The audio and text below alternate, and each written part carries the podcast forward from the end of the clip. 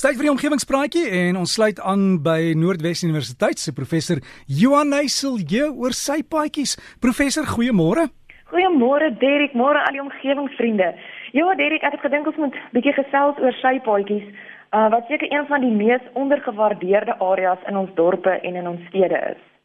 Nou ek het in die week sommer so 'n bietjie voorsorg gedoen en so 'n paar meningspeilings oor sy paadjies gevra op ons omgewingspraatjie um, Facebookgroep. En die een ding wat my nogal verbaas het, was dat daar heelwat mense is wat nie geweet het of besef het dat die sypaadjie vir jou woning 'n publieke area is nie. Nou, per definisie is 'n sypaadjie 'n verlenging van die pad, oftewel die padreserwe. En volgens die Suid-Afrikaanse riglyne vir beplanning en ontwerp, is sypaadjies gewoonlik tussen 1.5 meter en 2 meter breed. So dit beteken jou eiendom of die grense van jou erf begin eers op hierdie 2 meter punt. So die spasie tussen jou erfgrens en die pad is dan nou die padreserwe wat gereserveer is vir publieke gebruik en ook vir diensvoorsiening soos water en sanitasie, elektrisiteit en die kommunikasiekabels. Nou, hierdie padreserwe wat ons dan nou as die sypaadjie ken, val onder die jurisdiksie van die plaaslike munisipaliteit. En daarom is die instandhouding van sypaadjies dis ook primêr die munisipaliteit se verantwoordelikheid. Van ons omgewingsvriende uit Hartenbos en Mosselbaai het beamoen dat dit nog wel die geval daar by hulle is en dat die sypaadjies in daardie dorpe nog konstant skoongemaak en onderhou word deur die plaaslike munisipaliteite.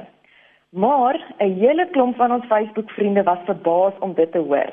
En 93%, dis nou van 636 persone wat gereageer het, het aangetoon dat hulle self die sypaadjies vir hulle wonings onderhou en dat die plaaslike munisipaliteite geensins daarbey betrokke is nie. En dit verskil natuurlik van munisipaliteit tot munisipaliteit. Maar ons sien deesdae al hoe meer dat daar in munisipaliteite se verordeninge dit duidelik gestel word dat huiseienaars 'n gedeelde eienaarskap en versorgingsverantwoordelikheid het as dit by die sypaadjies kom.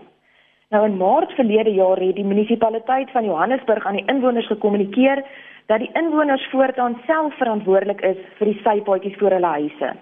Die munisipaliteit sou dus slegs verantwoordelik wees vir die versorging van ander publieke ruimtes en sypaadjies wat grens aan kommersiële eiendomme of skole of hospitale. My voorspelling is dat ons in die toekoms al hoe meer gaan moet eienaarskap neem van ons omgewing. En dis iets waaroor ons baie ernstig sal moet wees. Want al is dit nie regtig en primêr ons werk om hierdie sypaadjies te versorg nie, sal die nagevolge van verwaarloosde sypaadjies direk op ons neerkom. En dit is gebaseer op die teorie van die gebreekte venstersindroom.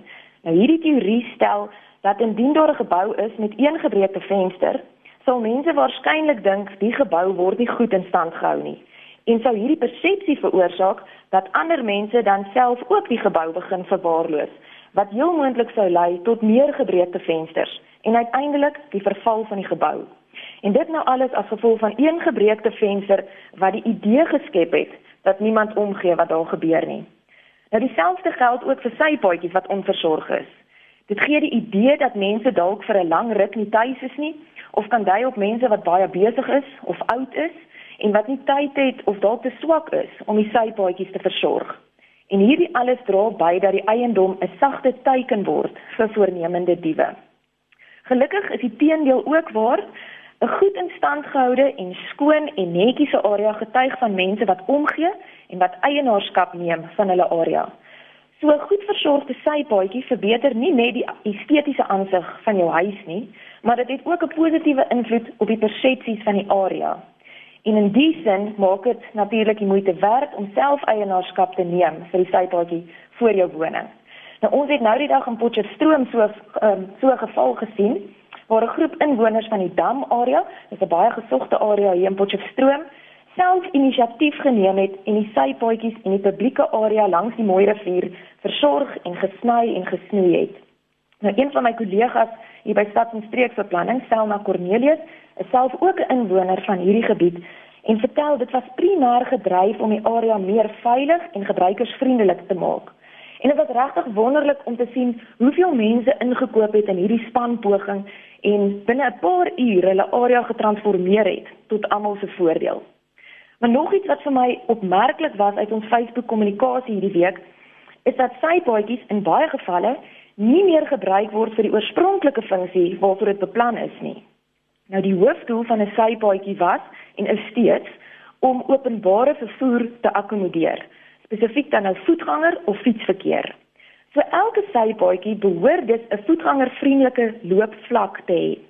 Nou 36% van ons Facebook-vriende het egter aangetoon dat sypaadjies voor hulle eie wonings glad nie voetgangervriendelik is nie. En daarom sien ons natuurlik baie kere mense in die pad loop of draf of fietsry want die sypaadjie laat dit bloot nie toe nie. Daar is egter baie mense wat afhanklik is van hierdie gebruikersvriendelike sypaadjies. Soos Pierre Du Plessis. Hy is een van ons omgewingsvriende van Woester in die Wes-Kaap um, en hy is in 'n rolstoel. En Peer vertel dat hy op sommige dae op sy eie moet dorp toe gaan. Wat beteken hy beweeg via hierdie sypaadjies vol gate wat meestal nie voorsiening maak vir sulke tipe beweging nie. En ek dink dis wanneer mens deur hierdie oë na sypaadjies kyk, wat mens die noodsaaklikheid en die funksie daarvan besef. Gelukkig in sommige munisipaliteite in die land, ehm um, of hulle daar's munisipaliteite in die land wat dan nou baie ernstig kyk na die verordeninge en dit goed bestuur soos Oeverstrand munisipaliteit wat einde 2016 vir al die begeeserde tuiniers in die area gewaarsku het dat sypaadjies vir voetgangers bedoel is en nie net vir tuin maak nie.